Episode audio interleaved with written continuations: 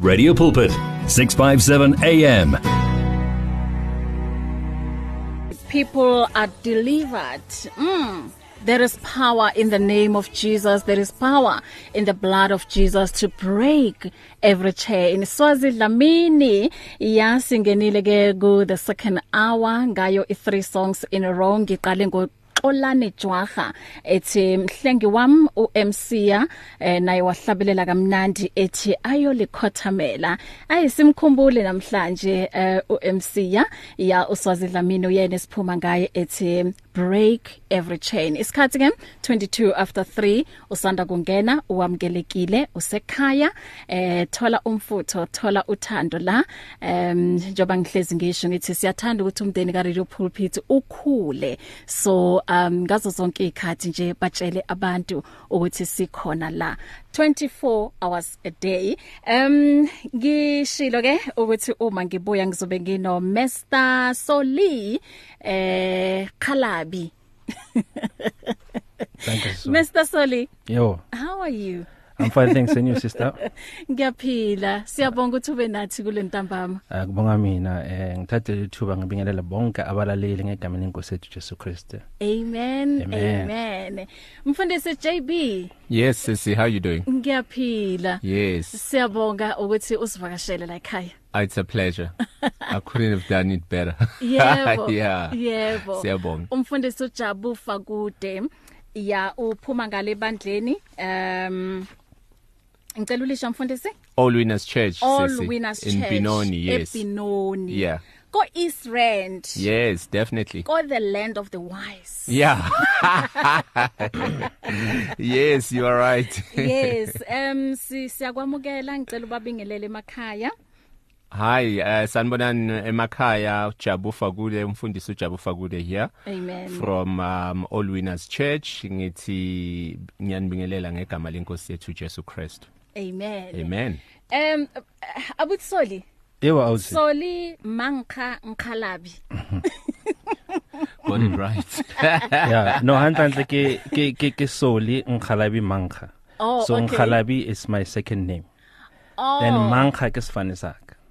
okay Yeah. so yazi So- be- bengididekile So kahle hle yeah so i confusion iba ku social media because Yeah. ngizibiza ngosoli ngkhalabi. So ngizibiza ngamagama ami kuphela. oh i- isibonga sikho No isibonga sikho. okay Mm. Then abantu bat- bacabanga ukuthi no ngkhalabi Uh-huh. isibonga ah isibonga mangkha.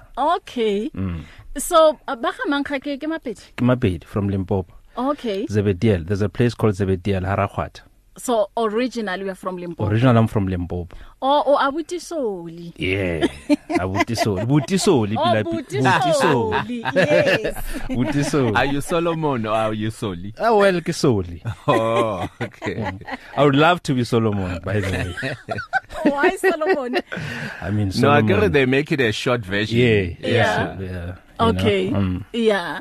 So abutsoli um ngiye nga nga- ngaba ngaba briefa kancane ukuthi Mm. ubani usoli kodwa yazi indaba yinhle uma iphuma Mm. kumnikazi yena ayikhuluma ngokwakhe ukuthi ungubani usoli so um ushilo ukuthi originally you are from Limpopo Mm. and then ukhulele khona eLimpopo ngikhwela impopo kancane and then Yeah. yeah. later we then moved to to Thembisa okay because ugogo wami wa- wagcina thenga indlu eThembisa. aha Yeah, angithi yazi ukuthi abantu abuye emakhaya normally bazaba nendlu ngapha eGauteng. yeah then kube nendlu emakhaya futhi Aha. futhi yeah so and then ngasithola sengisethembisa manje aha yeah so nje we out yasekasi so ngi out esekasi Yeah. ngikhulele ekasi primary school ekasi and ne high primary ekasi ne high school aha Mm-hmm. ekasi mhm yeah Okay. So u usoli u- ukhulwe ingane njani? yeah i- i- the question is yima i think i would say ngikhule nje ngi ngingane nje e right nje you Yeah. know um esikoleni Mm. yenza ama basic ayenza ingane ezinye Yeah.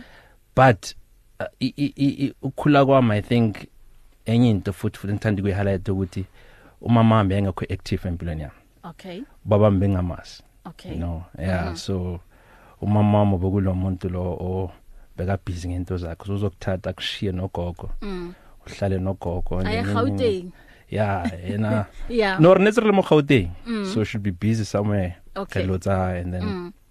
later utlose kongihono awuyise ko ko auntie yeah and then later le auntie bacabana uwele kongihono so mm. so that was the kind of my upbringing mm-hmm. wabona mm-hmm. yeah moving from one place to another so azangahle kaba le a stable place Yeah. you know as a child unida ho robele a stable place motlo kholelang ko teng mm.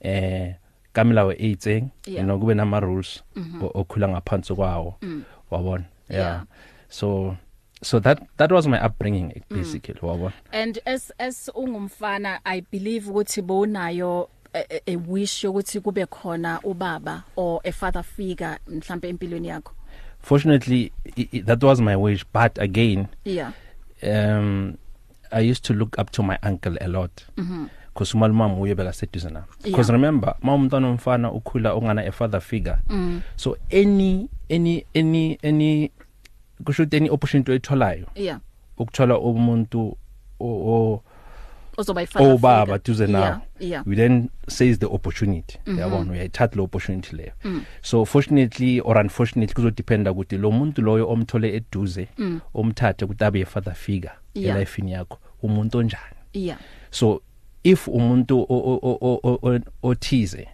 you then follow whatever into ayenzayo yeah You understand? Mm-hmm. So you get dependent. So for example, if O Pastor JB at that time, uh, they got around me, so mm-hmm. I was gonna look up to him. So mm-hmm. he was going he was going to be my father figure at Yeah. that time, and our pastor. So we are things olandela onkama i-coaching angipha yona yonke i-guidance angipha Mm. yona uyabona so that's how it is uma usithola umntwana omfana usithola nje u- udinga eh, eh, i-father figure Yeah. so unfortunately i-father figure um, it was my uncle and yeah. i'm Yeah. using the word unfortunately because bokumuntu obaka beka very much active indabeni zobugebengu Mm-hmm. yabona um bekaziwe lokushini yabazi labantu abaziwa yeah lokushini la yeah ukuthi no Mm. bramangman bramama awutshwere awutshwere awutshwere koloi fela unana Yeah. bramama Yeah. he was one of those awutshwere tv fela unana bramama yeah ha sa ireke o tla funela mama nga ireke Yeah. e wa understand Yeah. so neli yena motho e leng gore neli uh, father figure and i used to look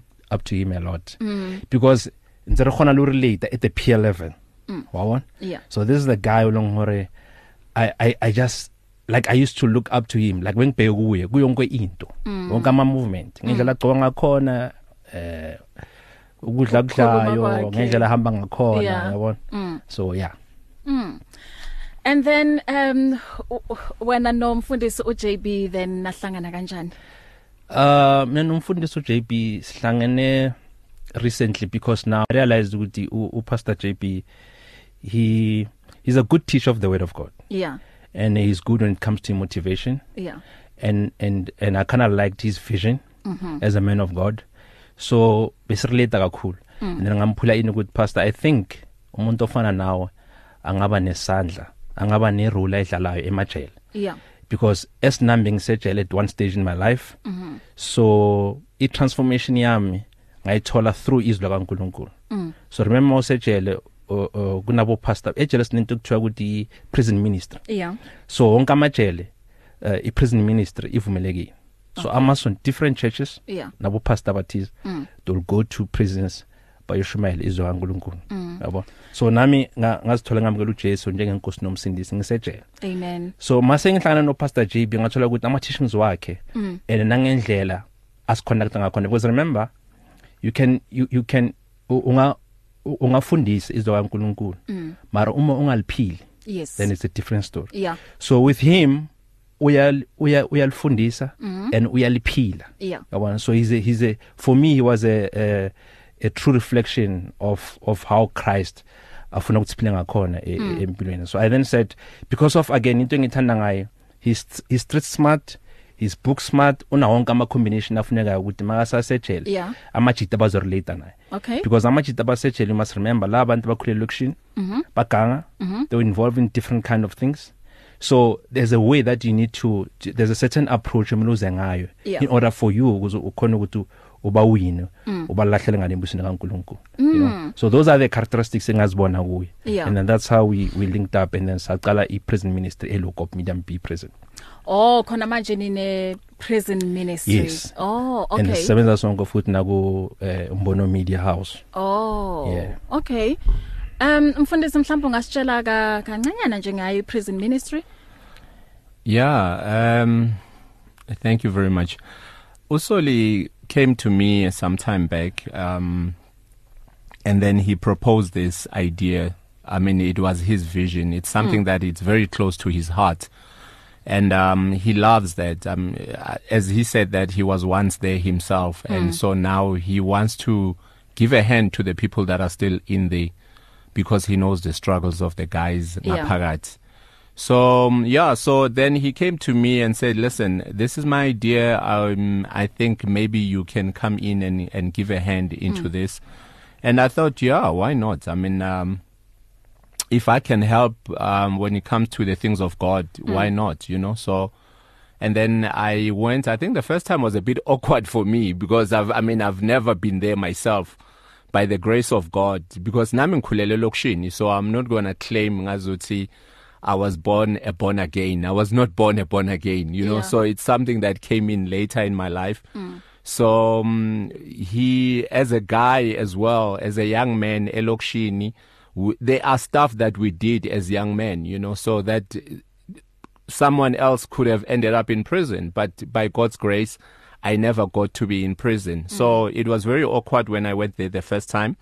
Um, but then I realized, Uguti, listen, um, when I got there, it was mostly people of my age, some older, some even the, the, the age of my father's and um, but I could see the need in their eyes, the the hunger to to be rescued, you know. So in their eyes, and I can see ukuthi these people, um, they need help, and the only help that you can give them is hope and the word of God, of course, you know. So direct them to the cross. And let them know Jesus, and only to find Uguti Vele, they, they, they have been evangelized too. You know, somebody has planted the seed. So I just came in to water Yeah. what somebody has already planted, but to, to emphasize on the on the cross and the work of Jesus Christ. And then on top of that to give them that hope in life to say that this is not the end. It does Yeah. not matter what your card, what what years are there in your card. Um, if you carry yourself well, you will see the the, the light of the day at the end of of of everything else. So that's basically how e prison ministry started, and um, so. And he's very passionate. I mean, I think I, f- I found my passion through Hmm. Usoli as well because of the passion that he has for prison ministry. Yeah. Hmm. And yeah, so now I th- we're enjoying it. That's all I can say. We're enjoying it. I think Yeah. we love it when we go see the guys. We speak in the language of their guys, you know. So it's not like I come there and then ngibanikeza something that is very awkward to them and I cannot relate. So I speak in the language that they understand. Um, most of them, obviously, the language is not kind of like a Christian kind of language. So you need to come to their level um, and and don't speak over their heads. You Yeah. know, so that is one thing that I think, uh, as Usoli said, that I I relate to them in that way because. Uh, I am from Elokshini, so I know how to speak the Lokshin culture Yeah. Mm. kind of thing. So it works much better. And I can share Jesus in that platform as well with them and then show them that you don't have to, um, for you to know Jesus, you don't have to have a different kind of language. You can know him in the language that you speak. Mm. Yeah. And then let Jesus do the cleaning. Amen. Hmm. He's going to be the one that does the cleaning for you. But come as you are, as the scripture tells us that you come as you are. Don't think that you will go and wash yourself first and then come in later and then uh, thinking that I'll receive Jesus once I'm cleaned. Yeah. Hmm. No, that's not how it works. You come as you are with your your your mouth as dirty as it is Hmm. and with all the language that you speak but receive Christ and he will do wonders for you. Hmm. Yeah. And you, you know um most yama yama prisoners bayam bayamlalela already pulpit. yeah. into e- eyangimangaza because all the time sithola ama letters eh, uthola umuntu abhalile abhalile ubahle Yeah. You know? That's nice. eh though abanye uthola baya off ramp nje kodwa nje sithanda ukuthi at least siyakwazi ukuthi sixhumane nabo and then sibanikeze isupport esingakwazi ukubanikeza yona and even nothando ngoba i think uma umuntu engaphakathi iyona into ayidingayo kakhulu and then uh, but solely yebo mengicheka your your mm,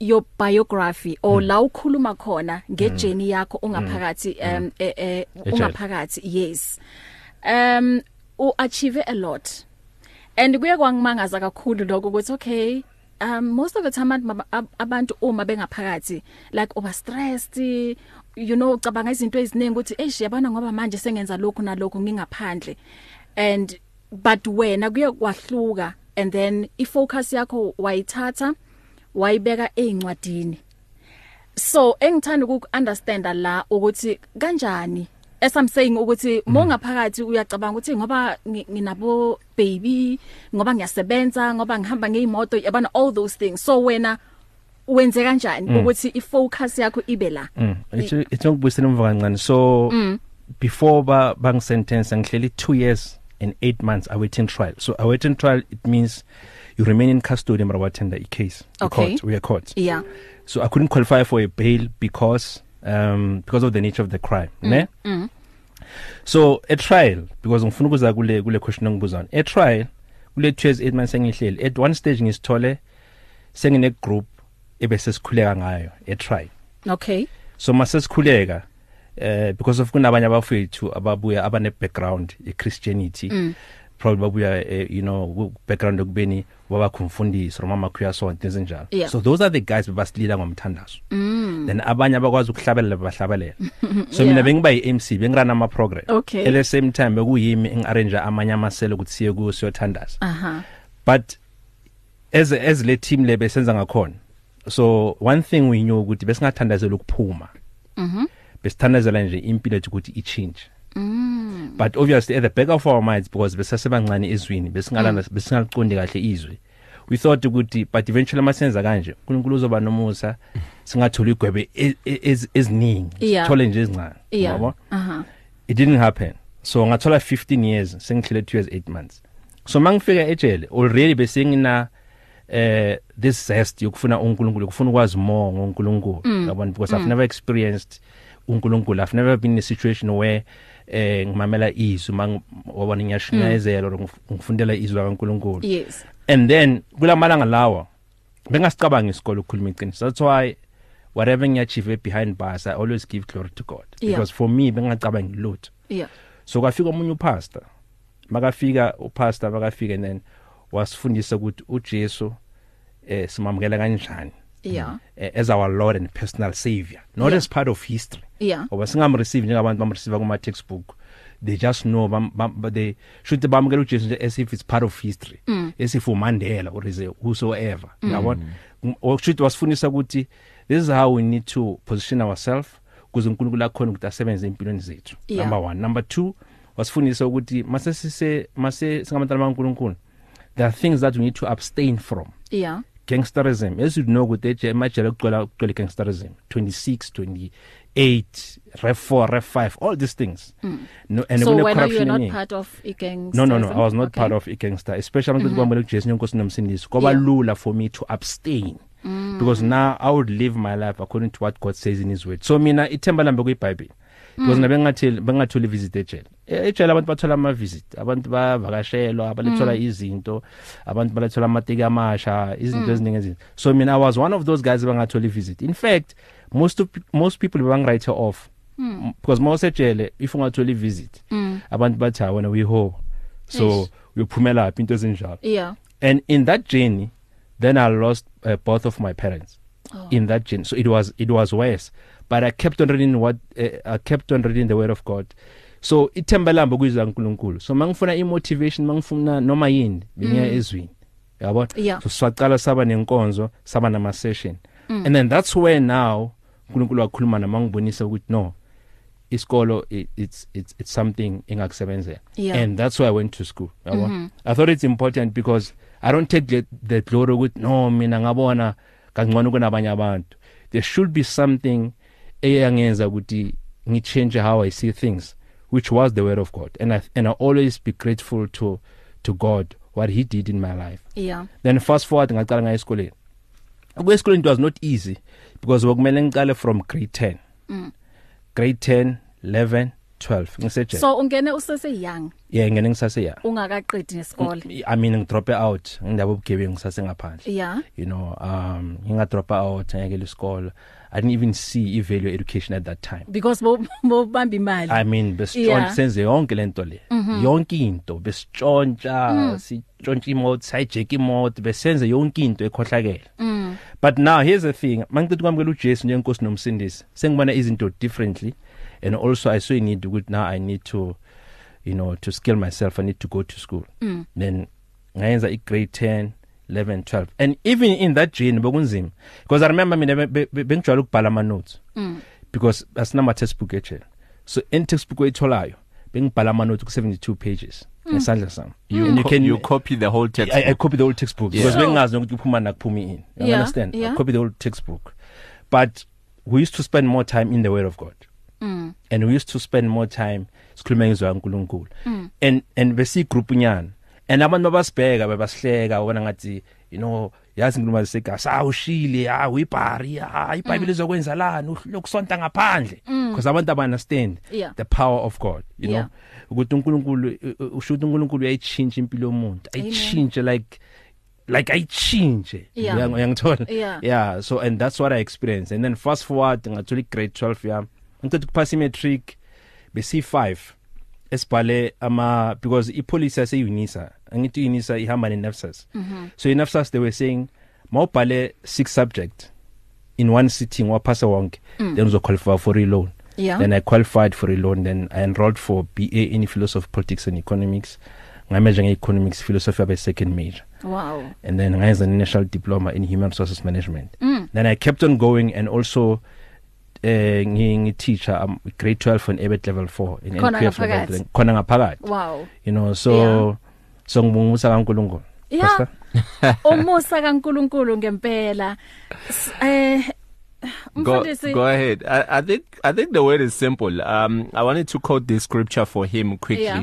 Uh, that's Galatians 3:13. It says Christ has redeemed us from the curse of the law, Mm. having become a curse for us. So cursed is everyone who hanged on the tree, you Yeah. know. So it's simply i- it's self-explanatory. It simply means that he became a curse at the tree at the cross. Mm. So Usoli has got no curse in his life Mm. anymore, Yeah, you know. yeah. So as soon as he receives Christ, everything that he was he went to jail for, Hmm. it was placed on Christ. yeah It went to the cross because now the Bible tells us that he needs to repent of his sins. You know, First John one nine. If you if you repent of your sins, he's faithful and just to forgive you of all your sins and to cleanse you from all unrighteousness.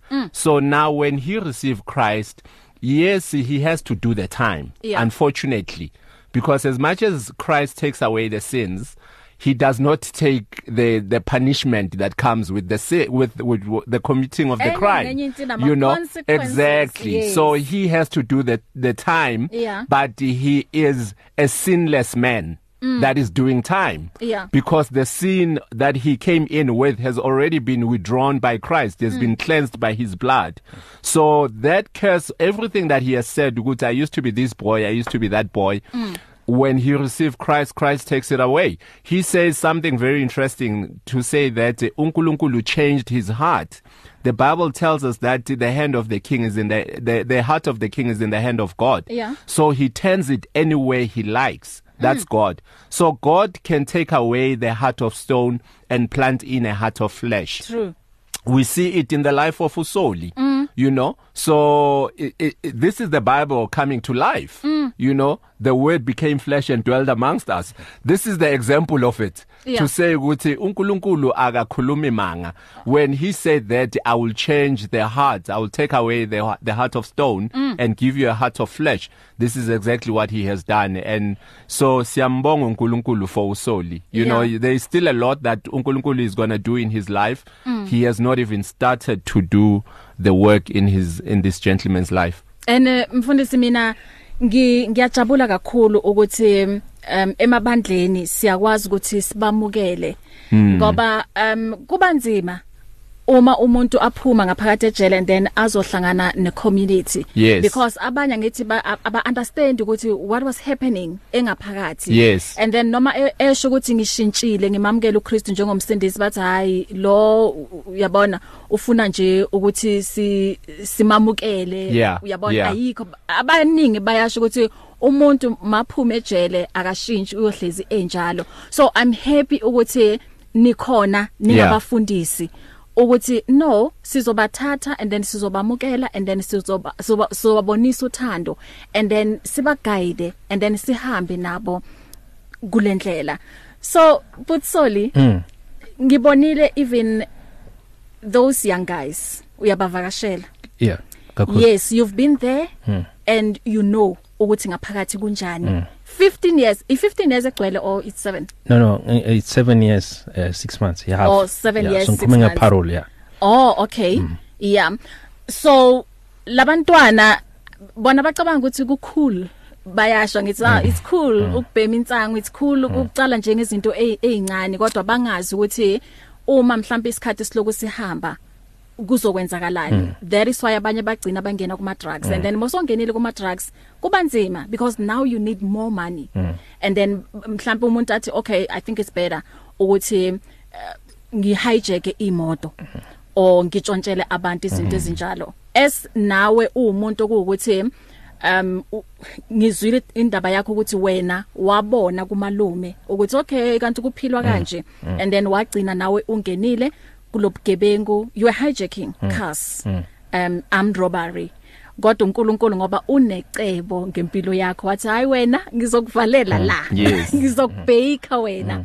and then mawuphuma ukwazi ukuthi uyokhuluma um, with those young guys so esikhatini esiningi uma unabo nixoxa bathini labafana no no siyaxoxa siyabonisana because you see sometimes mawuxoxa nabantu yeah eh abantu abaningi bangabu Thomas so ngiyokhuluma ngento ongazange uyi experience yes so mangikhuluma ngeexperience um and and nami phela I need to be careful how I I share my experience Yeah. because at some point I don't want to be like ngiglorify icrime Yeah, you know yeah, but yeah. ngifuna ukuglorify uNkulunkulu in the whole situation ukuthi Yes. Mm-hmm. nabo they don't have to buy ejele they can still receive Jesus Christ makayena sejele uNkulunkulu angayichange impilo yabo Yes. so our message it's very simple ukuthi God can change your life in total meaning Mm-hmm. completely you know and also ama initiative esiwayenzayo we don't just say ukuthi uNkulunkulu can do this and that we try by all means to put together many initiatives Yeah. azoshintsha impilo zabo like mm. as we speak now sine sine business summit which is taking place on the 2nd of April wow this 2nd of April yeah it is there on Facebook and zokucala nawe ishare ukuthi abantu ba support so Yes. siyenza ama initiative njalo ama business seminar mm. business workshop you know so that le youth lesidonse sifundise sithi bafethu I'm going to Jason Nkosi nomsindisi but yes. Yes. also now my opportunities Yeah. because mina what I've realized ukuthi once uba in the kingdom of God there are opportunities that comes with being in the kingdom of God Yeah. Mm-hmm. you understand mm -hmm. so there are certain things that ngeke uzokhona ukuzi access until uzamukela uJesu njengenkosi nomsindisi empilweni yakho i can tell you now ijele it can only rehabilitate you because ijele nama rehabilitation programs mm.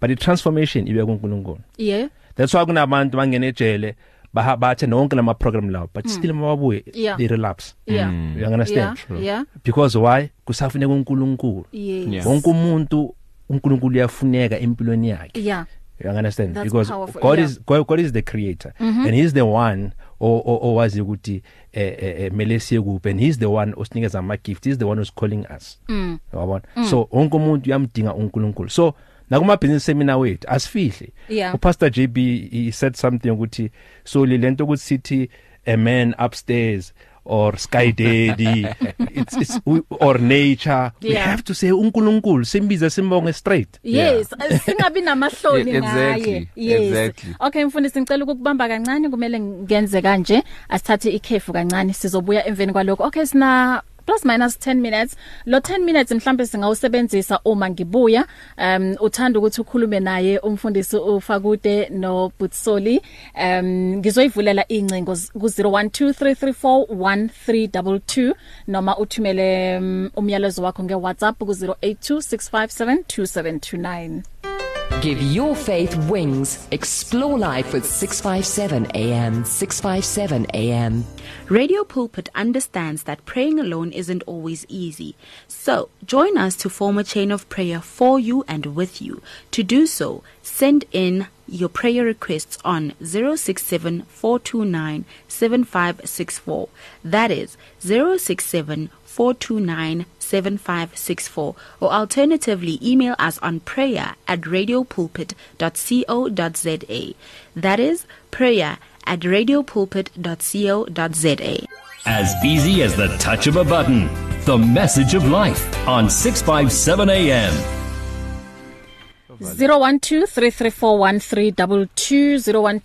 0123341322 uma ke Oh, uthanda ukukhuluma la eh no Brasoli kanye nomfundisi u JB Fakude sinemzuzu embalwa mzalwane so if uthanda ukukhuluma nabo akube ukuthi ushaya manje em noma uthumele ivoice note ku 082657 2729 so um Butsoli ngoba in the past bo ngqondo ngqondo kulento zama hijacking and whatever mm. kakhulu futhi yes so um uma kwamanje mhlawumbe unga advise abantu abadrivayo ukuthi iziphi izinto okumele bayiqaphele um uku avoid a hijacking ungathini kubona let me be honest with you you know um somebody ongibuza i-question last ukuthi why nganikeza abantu ama-advice ukuthi how to avoid this Mm.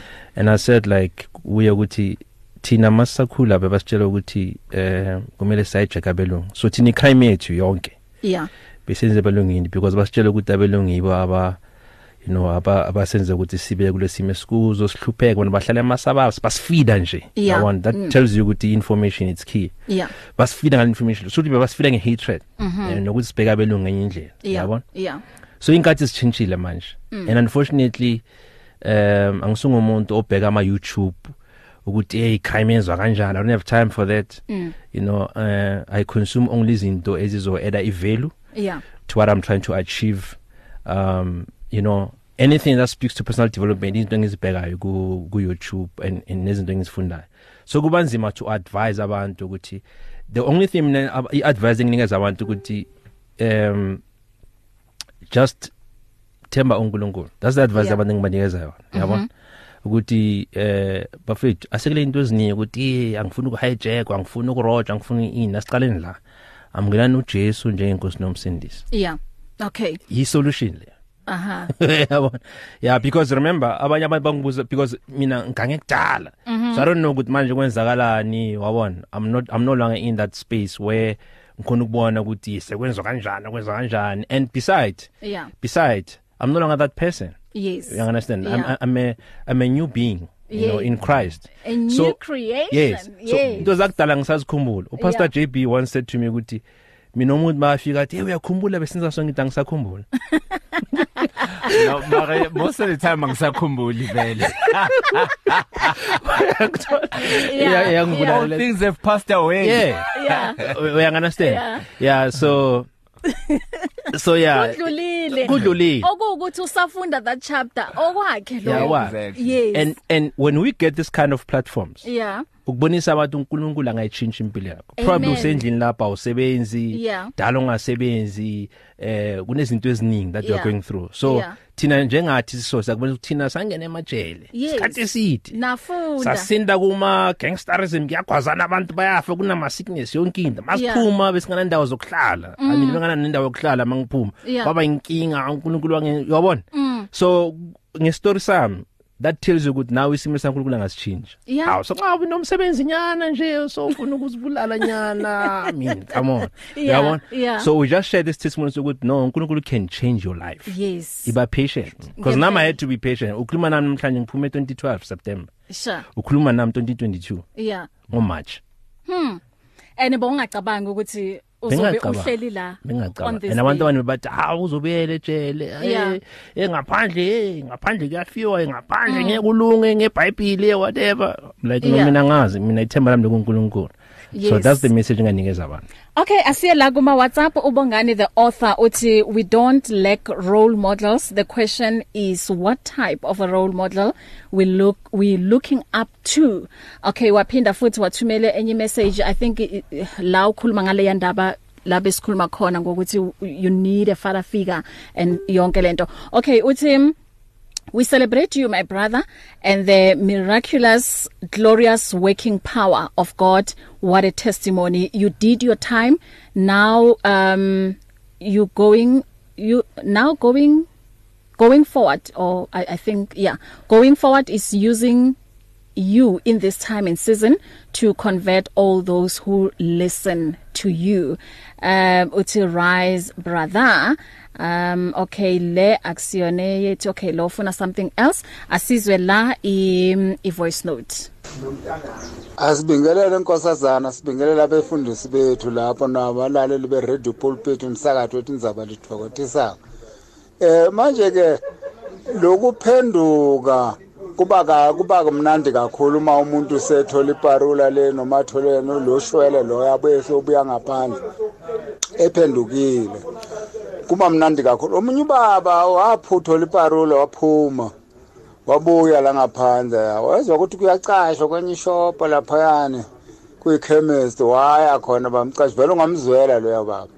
bamcasha loya baba wasebenza bamfaka la kustoko la kuthi nguye lodwa ocontrola istoka lanje istoka lethe la ishopo manje ubaba wavula ibhizinisi lakhe eceleni khona la eyi lowo baba kwabona ukuthi wasengibuyele emuva la wathi awuthi ngi- wabala amatu- amathulusi wakhe lele maphilisi okwawabala wabala wonke wamthuma ngakusasa thambo uyothatha ama- ibhokisi lapha endlini waya loba wafika wahlephuna la ebhokisini uma ebuya walibekanyana laphayana loko mnumzana wathi hayi woza siwabale ngiwabalile phela ngiyawazi wabala thola ukuthi "Eh, ayashoda wathi ayashoda ushoda six iphi six um ngibiza amaphoyisa ubaba uthi hayi ngicolele mnumzana manje uyabona ke le ndaba leyo isibanzima kakhulu athi ngikucoshe noma ngibiza amaphoyisa athi hayi ngcono ngicoshe mnumzana Eh, uyabona ke manje ke kuhle ukuthi manje uma sesiphenduka sibe singabaphenduli ngempela khani bami kosa Kalimambo kalimambo siyabonga siyabonga mfundisi asilalele futhi enye la i, i voice note Sanibonani sisibahle, sanibonani. Imama Dwala neHedelberg Rathanda. Hey, ngilokungilalela. Ngilalela ngilalela abafundisi molweni bafundisi bami. Ngegama lenkosi yethu Jesu Kristu ngiyanibulisa. Ngizwa kahle, ngizwa kahle. Nami lana eRathanda nginondo. Umntana sisi wami naye hey, uyahlupha yazi. Eh last week Thursday ushawa umphakathi wacisha ukumbulala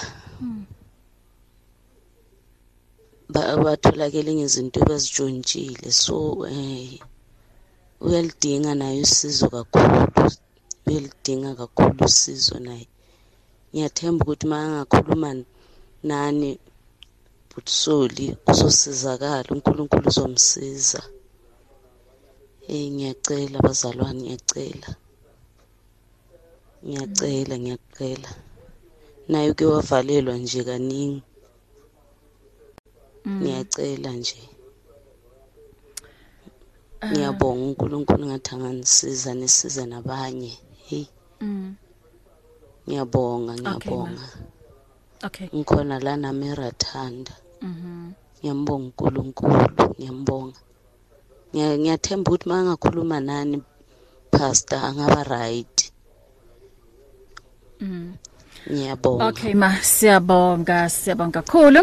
Um yeah um nizowashiya ngithi ama number mhlawumbe abantu uma bethanda ukukhuluma nani and then nibone ukuthi ningabasiza kanjani plus u- irathandise Israel ne Uh, isn't it in Pumalanga or something? I'm not sure. Rathanda I think is next to Heidelberg. Oh, is it? Okay, Yeah, no. yeah, I, yeah. I, angikho sure ke lapho. Yeah, I- I Ukuthi think so. Sikuphi. Yeah. But ayikunankinga angisho ucingo likhona. Yes. So sizoshiya ucingo lethu Yeah. and then bazosithinta wherever whenever mm. and then sizokwazi ukuthi si- sichumane nabo and then sibone ukuthi singasiza kuphi nathi. Yes. Yeah. Okay, uPastor Mondle Dlamini uthi the story is better told by those who traveled it. Uthi God can change your life.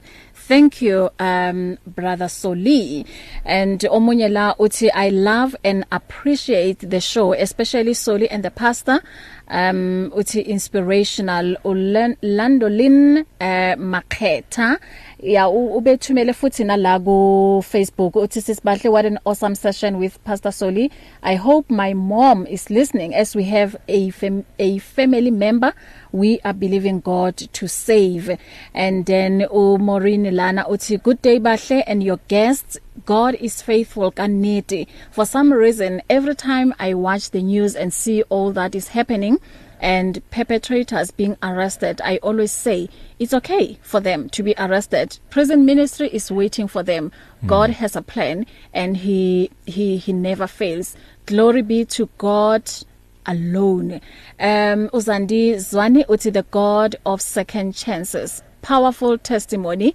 brasoli okay singibona ukuthi ngala ku facebook kukhona futhi okunye um yeah okay ngathi sengiyifundile yonke imiyalezo okay um u- umam Landolin Makhetha naye ngiyacabanga ukuthi unenkinga efana ne- neyaka mama loyana Yeah. wase Rathanda yeah okay thingiye la elayinini sawubona dumelo semoyeni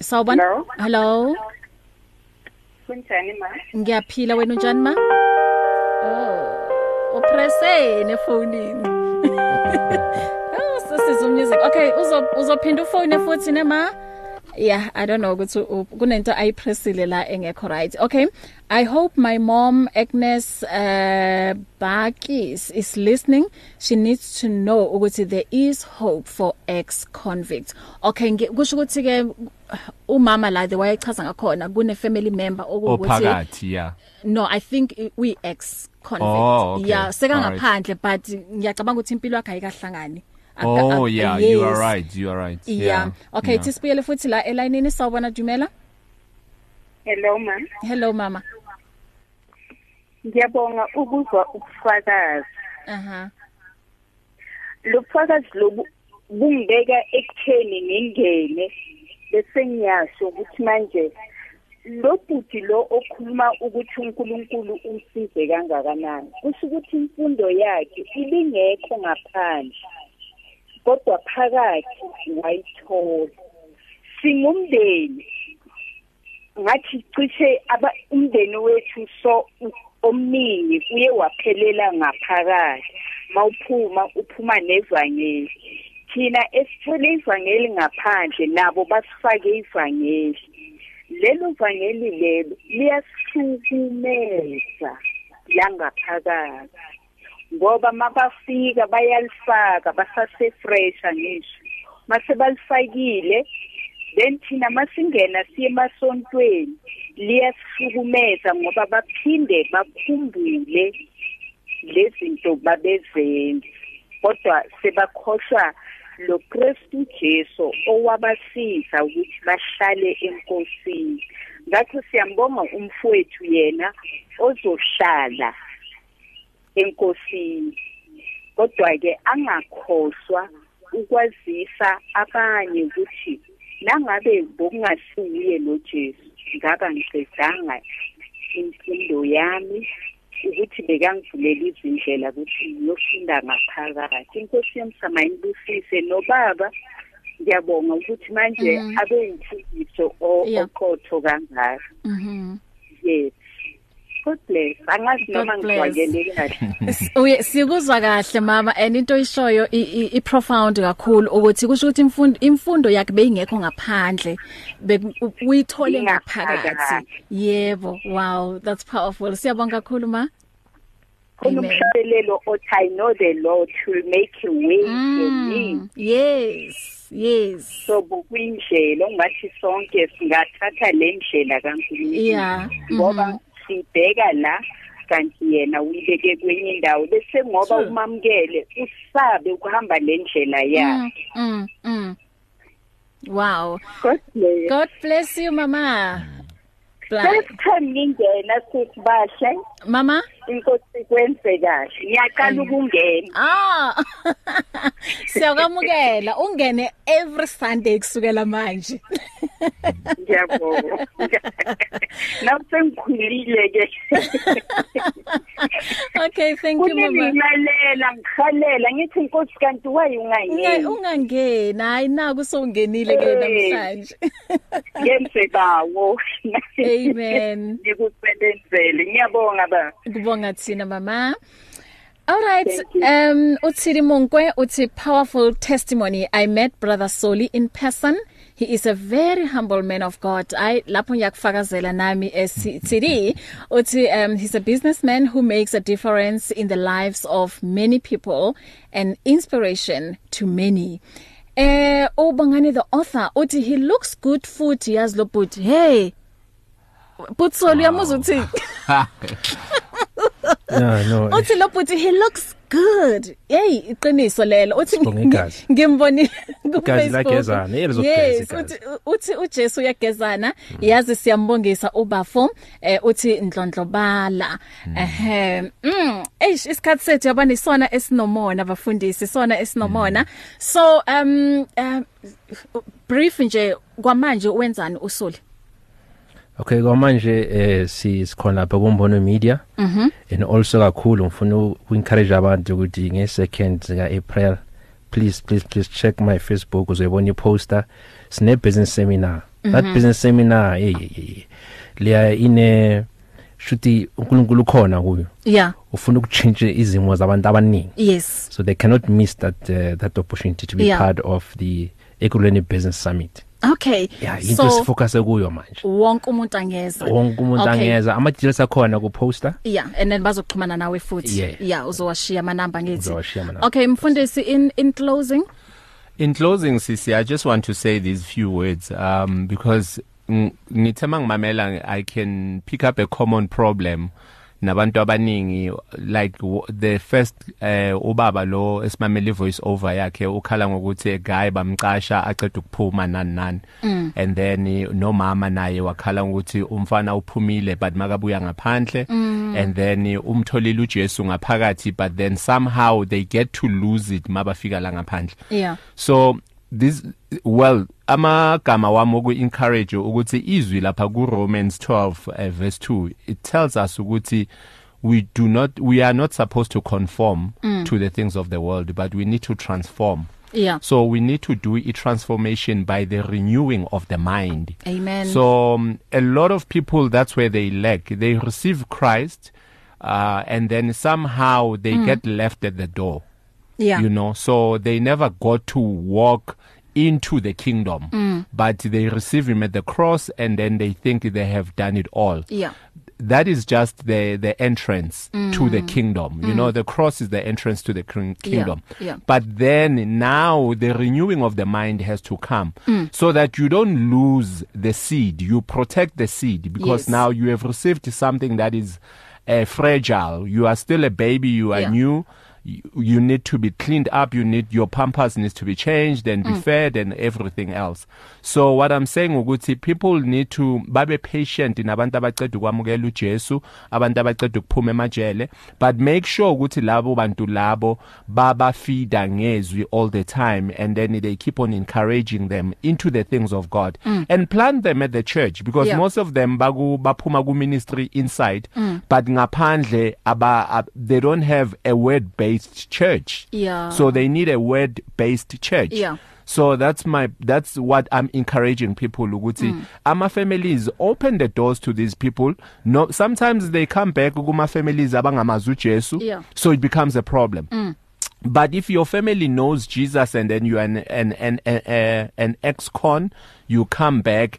Let the family plant you as a, a, a, a what a church elazi uNkulunkulu elifundisa izwi likaNkulunkulu so that nawe izinto ophila impilo iphilayo ngaphandle ukwazi ukuthi uphile impilo ehambisana noJesu nesiphambano. Yeah. So my last words nje ukuthi I encourage people to constantly speak about the word of God mm. and and don't shy away ukuthi ubani kwenzakaleni in prison and then how do you need help today moving forward because even my brother Usoli here if he did not renew his mind he would have fallen back to the very same things that he used to do True. but it comes with the renewing of the mind Yes. ngiyabonga sis Wow.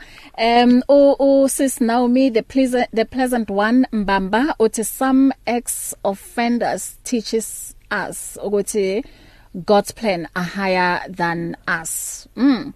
Okay, um ukhayele to Malum Prince Ngwenya uthi indoda emadodeni I learned so much in this man.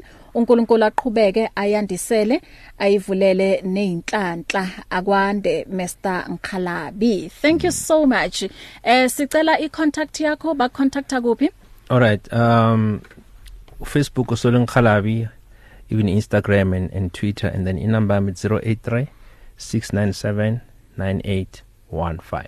083 697 9815 Siyabonga sis. Yeah. Eh mfundisi mhlamba umunye uthi hey bengingazi ukuthi kunomfundisi fakude eh em em Israel eIsrael Yeah, E-, yes yeah. mhlawumbe uthi hayi nami ngiyalifuna ikhaya Yeah. ngiyacabanga ukuthi ikhaya likamfundisi fakude Yes. ilona ikhaya lami so bakuthola kanjani on Facebook uh, it's Jabu Godson Fagude uh Instagram Jabu Fagude and my telephone number is